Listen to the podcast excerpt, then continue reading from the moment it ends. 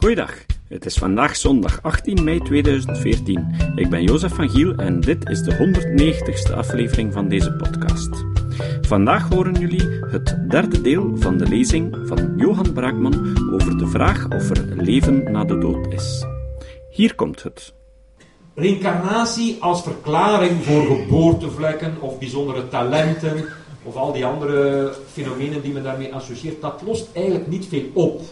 Bijvoorbeeld Stevenson heeft ook veel verhalen gehoord van kinderen die een fobie hebben, zonder dat daar meteen een reden voor is in de omgeving van dat kind. Maar redeneert hij dan, of, of men zegt hem dat dan, dat kind is de reïncarnatie van een uh, soldaat. Uh, het is een, fobie voor Japanners, dat is nu een concreet voorbeeld. En de verklaring zou dan zijn, in een vorig leven was dat kind een soldaat. En die soldaat uh, is gesneuveld tijdens de oorlog met Japan. En daarom heeft dat kind van vijf nu een fobie voor Japanners. Ook al heeft hij heel zijn leven nog nooit een Japanner gezien. Ja, ja. Ook als scheermes zou mij doen besluiten, ja. Enfin, er zal wel een meer normale, nuchterder verklaring zijn die minder extra vragen oproept dan te denken die fobie is overgeërfd uit een vorig leven als soldaat die omvergeschoten is door een Japanner. Die verklaring is een beetje zoals wat je bij Molière vond, vindt uh, waar de uitleg wordt gegeven waarom een, een slaapdrankje, als je dat drinkt, je van in slaap valt, daar wordt schertsend natuurlijk de uitleg gegeven, ah, dat is omdat er een slaapverwekkend middeltje in zit. Maar dan heeft u natuurlijk niet veel verklaard, ziet u? Dat is eigenlijk wat een verklaring als, tussen als reïncarnatie doet. Je hebt natuurlijk ook het ene raadsel, hoewel het niet per se een raadsel hoeft te zijn. Een geboortevlek is voor ons geen raadsel, om maar iets te zeggen. Inwisselen voor een echt raadsel dan, als je reïncarnatie naar voren schuift, want hoe werkt dan die memory transfer? Wat Stevenson doet is eigenlijk een soort, ja, ik noem dat metafysische embryologie naar voren schuiven. Dus, dus je verplaatst in feite gewoon het probleem. Hij heeft dat niet zelf uitgevonden. Ik denk dat hij daarmee intapt, als het ware, in een oude traditie, die wij ook in het uh, christendom kennen. Uh, die denkt dat de infusie van de ziel bij een embryo op een bepaald moment uh, gebeurt. En dat een embryo dan die ziel ontvangt, als het ware. Eigenlijk ja, ligt dat niet zo ver van elkaar. Daaronder, denk ik, ligt onze aangeboren neiging om dualistisch te redeneren. Bon. Dit is wat ik over incarnatie heb te zeggen. Sommige mensen zullen misschien zeggen, ja, het is wel wat weinig. Uh, maar goed, ja, ik heb niet zoveel tijd. Ik geef u maar een, eh, een overzicht van de empirische invalshoeken die je kunt bedenken om over leven na de dood na te denken. Een andere invalshoek is deze. Namelijk dat men echt op zoek gaat naar de ziel op zich. Of naar datgene wat dan zou blijven bestaan na de dood.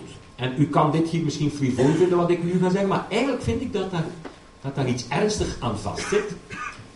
Het is zo dat men tot aan Descartes, en, en hier en daar nog wat uitzonderingen, zelden nog echt gezocht heeft naar de locatie van de ziel. Descartes dacht, aangezien hij dus een dualist was, lichaam en, geest zijn apart, maar moeten toch op een of andere manier kunnen interageren. In de filosofie van de 17e eeuw was dat een, een hot topic. Leibniz had daar een visie op, Spinoza had er een visie op, uh, Descartes uh, had daar een visie op. Uh, Descartes dacht, kijk, er is een plaats in de hersenen, de pijnappelklier, daar komt dus het mentale in contact met het puur materiële. Dat was natuurlijk volstrekt onbevredigend zo'n verklaring. Um, dat zou de zetel van de ziel geweest zijn. En nadien is dat niet zo'n item meer geweest. Maar er is een hele interessante uitzondering in de 19e eeuw, begin 20e eeuw. Ik kan dus niet nalaten om u die even te presenteren. Dat is de meneer, die heet Duncan McDowell. Dat was een arts en die heeft een, uh, een ernstige, vanuit zijn perspectief natuurlijk, een ernstige, vanuit ons perspectief misschien minder ernstig, poging ondernomen om de ziel te wegen. En heeft dat gedaan als volgt. U kunt zijn publicatie daarover in een ernstig wetenschappelijk tijdschrift uh, nog vinden, publicatie uit 1907. Zijn redenering was als volgt: als de ziel bestaat, en dus de, de zetel is van persoonlijkheid en bewustzijn, en als dat iets is wat dan blijft bestaan na de dood, dan moet ze een plek in de ruimte innemen. Dat kan niet anders. Je kunt dat niet wegdenken uit de ruimte. Als ze een plek in de ruimte inneemt, dan moet ze een bepaald gewicht hebben. Misschien niet veel, maar toch een beetje. Dus dacht jij, als we nu iemand zouden kunnen wegen, vlak voor zijn dood, dan gaat hij dood en dan wegen we hem nog eens, of we blijven hem gewoon wegen. en we merken een verschil, dan weten we hoeveel de ziel weegt. En dan weten we natuurlijk ook dat ze bestaat. En dat ze dus het lichaam, kun je dan vermoeden, op het moment van de dood of onmiddellijk daarna verlaten heeft. Wel, de man heeft, heeft dus uh, een aantal mensen, stervende mensen, zo letterlijk gewogen. Tuberculosepatiënten die vooraf uh, toestemming hadden gegeven, dus ja, informed consent zouden we dat nu noemen. En heeft ze op zo'n weegschaal gelegd zoals u die hier ziet. Ja. Uh, tuberculosepatiënten, die wegen niet zoveel en die schijnen, als, als die mensen doodgaan, en vroeger natuurlijk was men daar veel meer vertrouwd mee dan nu, gelukkig, uh, zeer rustig dood te gaan. Dus als een kaarsje ga je, ga je uit. En dus het, het is dan makkelijk om op zo'n weegschaal te liggen, uh, gebeurt niet veel, moet niet veel doen. Dus vanuit onderzoeksoogpunt is dat uh, interessant. En dus die mensen hadden vooraf toestemming gegeven, die wisten dat ze gingen doodgaan. En dus. De eerste patiënt was de meest interessante, die heeft dus 3 uur 40 minuten op die weegschaal gelegen. En dan, en dat, dit is een citaat letterlijk uit het artikel van uh, McDougall, is het dus zo dat, uh, ik, ik versta niet exact wat daar staat, maar ik denk dat erop neerkomt dat dus een van de gewichten dan hop, plots naar één kant is geschoven, dat de weegschaal dus een beetje beweegt, dat de last een beetje minder weegt. Er was dus gewicht verdwenen en men heeft kunnen nagaan wat het verschil was. Dat bleek dan 21 gram te zijn. En daaruit is dus een gedachte ontstaan uh, dat de ziel 21 gram weegt. Misschien heeft u daar al van gehoord, want dat is ook ja, verfilmd en zo door Hollywood. Uh, bon. Daarna heeft hij nog vijf patiënten gewogen, samen met zijn medewerkers. Maar eigenlijk, er was er maar één echt duidelijk, die 21 gram, dat was patiënt 1. Bij de andere vijf is het zo dat het precies moment van de dood niet helemaal duidelijk was. Uh, dat er wel gewichtsverlies was, maar op twee verschillende momenten. Dus alsof de ziel dan met stukjes zo, ja, wat ook niet echt logisch is. Uh, of hij stelde vast dat er misschien problemen met zijn weegschaal waren. Dus, dus het, was een ernstig man. Het was niet een, een fantast of zo. Het was een, ernstig, serieus onderzoek. Een beetje excentriek, maar hij, hij probeerde het zo goed mogelijk te doen. Ook het tijdschrift was ernstig, een goed tijdschrift in die tijd. U begrijpt natuurlijk dat hij nogal ook in zijn tijdreeds uh, serieus bekritiseerd is. Er kunnen andere verklaringen voor dat gewichtsverlies zijn, als er al effectief gewichtsverlies is. Want dat is allemaal niet zo 100% duidelijk. Uh, bijvoorbeeld, mensen stuurden brieven in, dus ook artsen, wetenschappers naar dat tijdschrift en andere kanalen. Die zeiden, misschien is er een gewichtsverlies door het feit dat mensen letterlijk hun laatste ademstoot die ze uitblazen, dat daar ook veel vocht mee uitkomt. Zo, een laatste roffel zo. Ja, maar dat bestaat, hè. Uh, en dat, dat je dus op die manier aan 21 gram uh, zou geraken. McDougall heeft zichzelf op de weegschaal geplaatst. Heeft op die manier hard uitgeademd. Dat bleek geen verschil uh, te geven. Dus, dus hij heeft zelf zo wel allerlei andere testjes gedaan. Heeft het met 15 honden ook gedaan. Bleek geen gewichtsverlies te zijn. Zijn conclusie was dan, blijkbaar hebben honden geen ziel. Ja, dus het is dat wel ernstig. Er waren allerlei suggesties dan om het onderzoek te verfijnen. Omdat men dacht, ja, die patiënten die zweten ook, ze ademen uh, vocht uit enzovoort. Uh, dus dat, dat, dat maakt het onderzoek ergens onzuiver. In feite zou je dus moeten een volledig gesloten box hebben, volledig gesloten, waar niks uit kan, maar waar dus de stervende persoon in zit.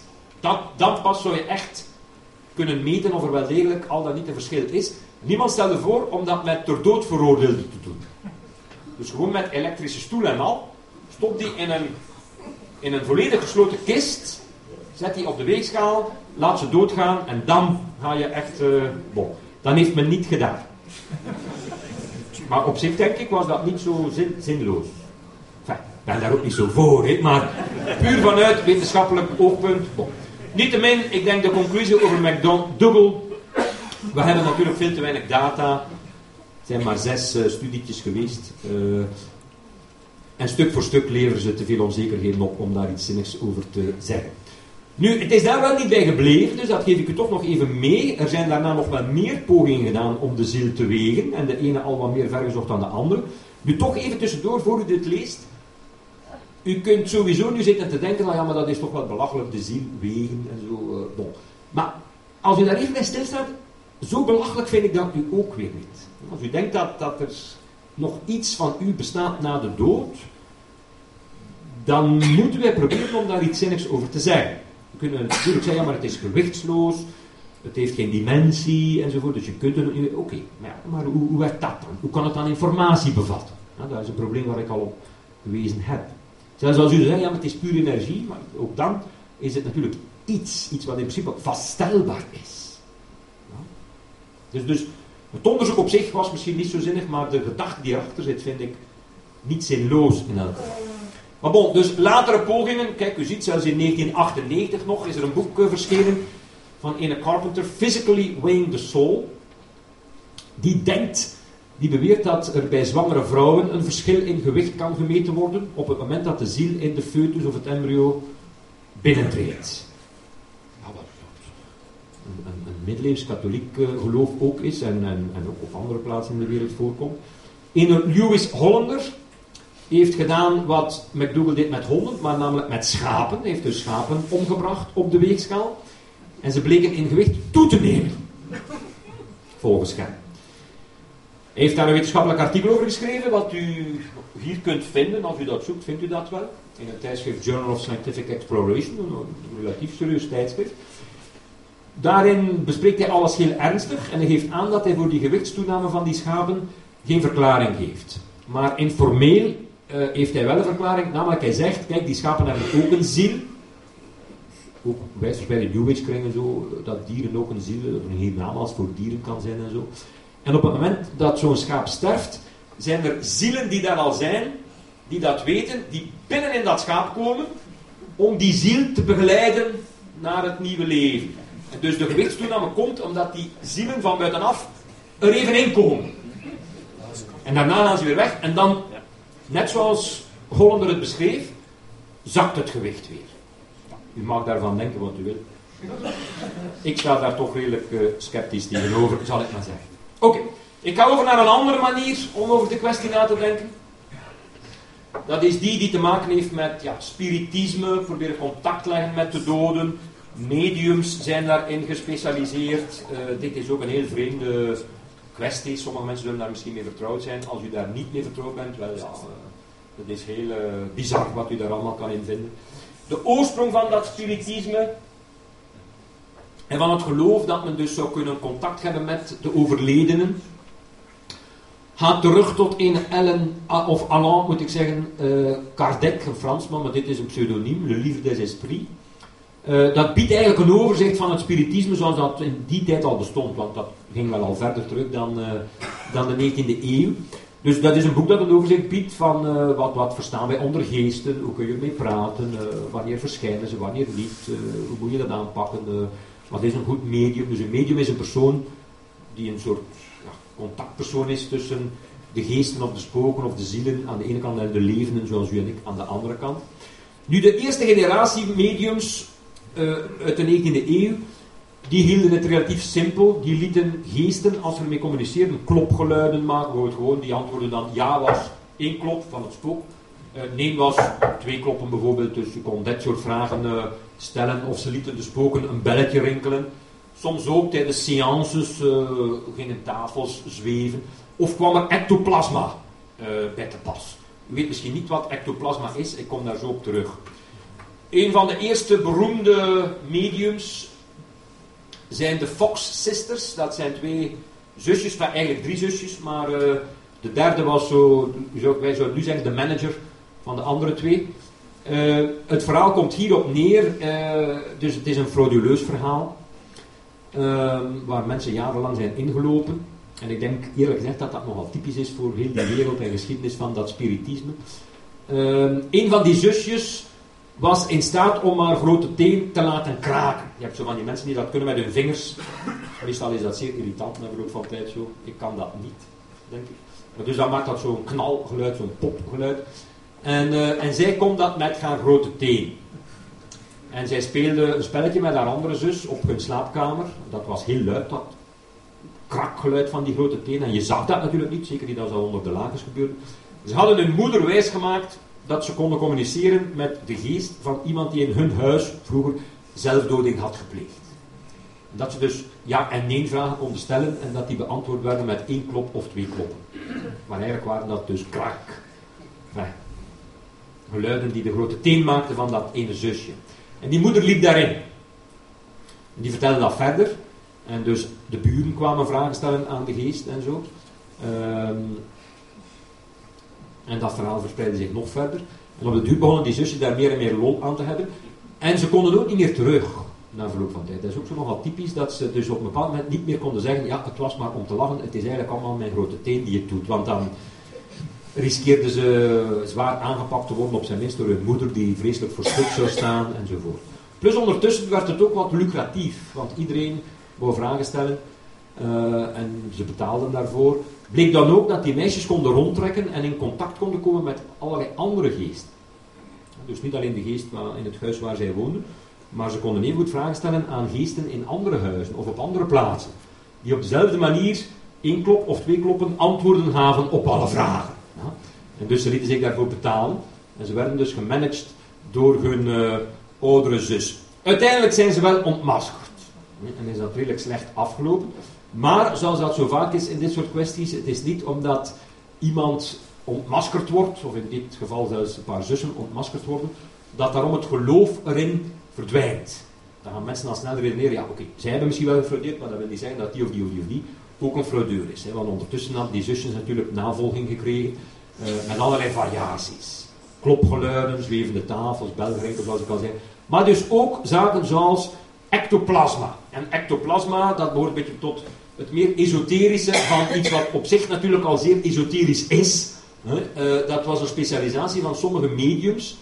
Uh, Marjorie Crandon is daar de beroemdste, denk ik.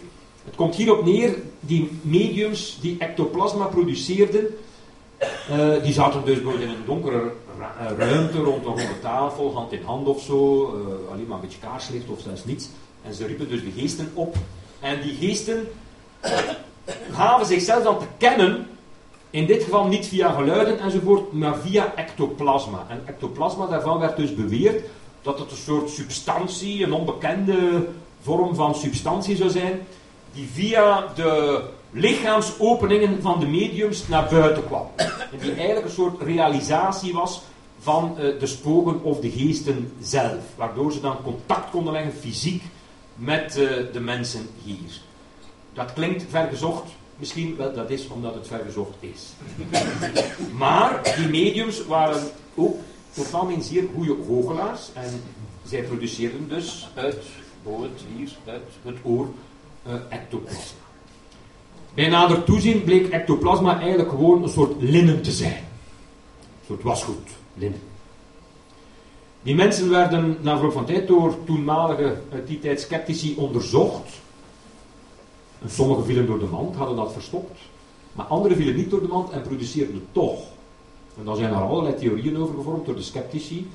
Uh, de meest voor de hand liggende is dat ze gewoon rond de tafel een handlanger hadden die niet gecontroleerd werd en die het dan in het donker natuurlijk gewoon haf. Andere verklaringen zijn dat dat zogenaamde ectoplasma op voorhand was verstopt in lichaamsopeningen waar de sceptici ja, om bepaalde redenen niet mochten gaan uh, onderzoek doen. Beiden zijn waarschijnlijk juist. Maar u ziet, er werd dus à volonté ectoplasma uh, geproduceerd. En dat waren dus de materiële realisaties van de spoor. Het lijkt vrij evident dat dat dus allemaal uh, frauduleus was. Ja. Maar mensen geloofden daar uh, in grote getallen in. Vandaag de dag bestaat het spiritisme nog altijd. Het is misschien populairder dan ooit. Er is een hele generatie van huidige mediums en channelers. Channelers zijn dus mensen die zeggen dat er uh, bepaalde spoken of geesten of spirits bezit van hen nemen en, en praten via hen. Dat kan een, een, een oude Indiaanse wijze zijn of een uh, Egyptische farao. Uh, kan van alles zijn. Hè. Zij channelen de wijsheid. Ja. Hier heb ik een aantal van de bekendste van die mediums. Dat zijn allemaal uh, hele rijke mensen ondertussen. Die hebben hun eigen tv-shows. Ze verkopen honderdduizend tot miljoenen boeken enzovoort. James van Praag, John Edward enzovoort. Uh, op sommigen zijn televisiereeksen gebaseerd. Derek Ogilvy is ook bij ons op televisie te zien geweest. Dat is een Schotse, Schots medium. Uh, Sylvia Brown, Charles, dat zijn hele bekende mediums.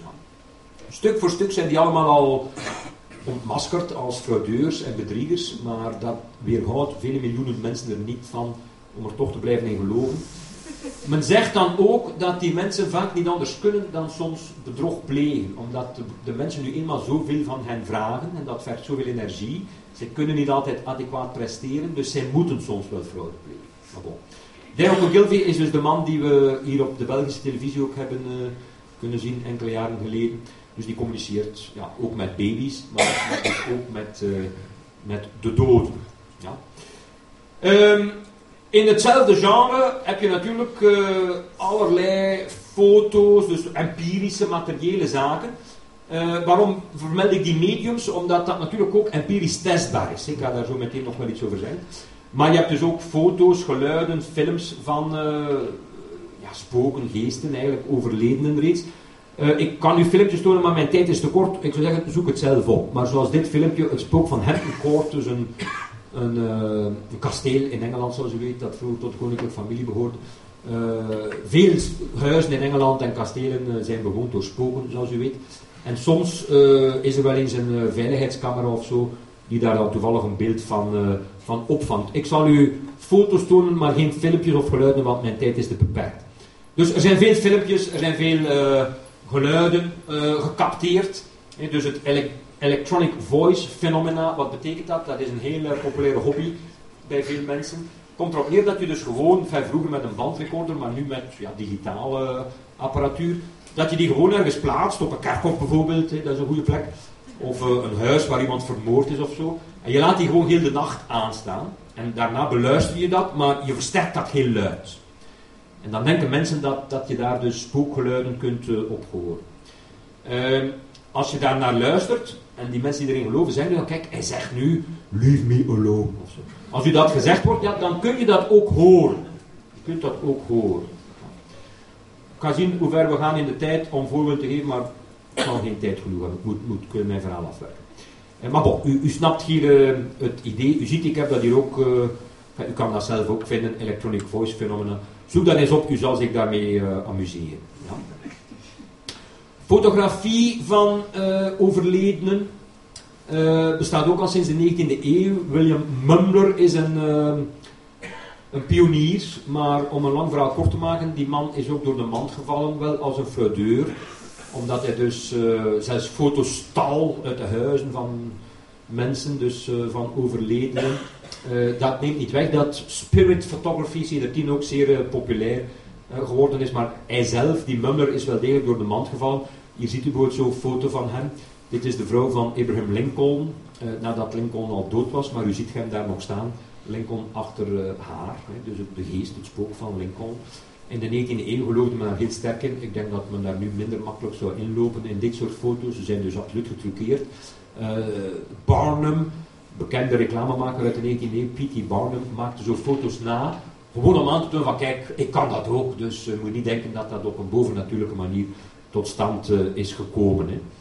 Uh, hier zijn nog een paar voorbeelden van geesten die dus per toeval, per als het ware, volgens Mumler op foto's zijn opgedoken. Ik denk niet dat we daar nu nog veel geloof zouden aan hechten, maar er zijn natuurlijk veel recente voorbeelden. Hè. daar geef ik hier een paar voorbeelden van groepsfoto van een paar vrienden. Uh, en dan ziet men achteraf dit hier. Als ik dat beetje uitvergroot, voilà, dan ziet u zo'n soort spookachtig gezicht tussen de benen van die mensen. Voor veel mensen is dit zeer overtuigend. Zeg ja, dat kun je niet anders verklaren, dat is een echt gezicht, dus dat moet wel een spook zijn. Die mensen zelf geven dan aan dat zij absoluut niet weten wie of wat dat is. Maar op sommige mensen maakt dat indruk. Ik kan mij voorstellen, stel dat ik daarbij was en ik maak die foto en dit duikt op, Misschien zou ik ook onder de indruk komen, wie weet. Nog een paar voorbeelden. Dit is om die kinderen uh, onherkenbaar te maken. Het gaat hierover. Je ziet hier in het water nogal een dreigend, spookachtig gezicht opduiken. Nog een voorbeeldje. Iemand neemt een foto van zijn eigen huis, misschien om het op, op, de, op een website te koop aan te bieden, maar ziet dan iets, iets merkwaardig daar. Als ik dat uitvergroot, dan duikt dit op. Maar het huis was nogthans leeg. Als u geluk heeft, of ongeluk, dan is er misschien nooit iemand vermoord in het huis en zo. En dan, dan, heb je al niet veel meer nodig. Dat begrijpt u. Nog een voorbeeld. Het gaat over dit hier. Wat u hier dus een beetje van dichterbij Zo zijn er dus heel veel foto's. Dus ook, en ook films en geluiden, zoals ik al aangaf. Uh, en voor veel mensen ja, zou dat een bewijs zijn toch van dat, ja, dat er leven na de dood is en dat een, een, een deel daarvan hier nog uh, zich bevindt. En volgende week horen jullie het laatste deel. Het citaat. Het citaat van vandaag komt van Karl Marx. Karl Marx was een 19e-eeuwse filosoof die de grondlegger was van het Marxisme, dat op zijn beurt als basis diende voor het communisme en het socialisme.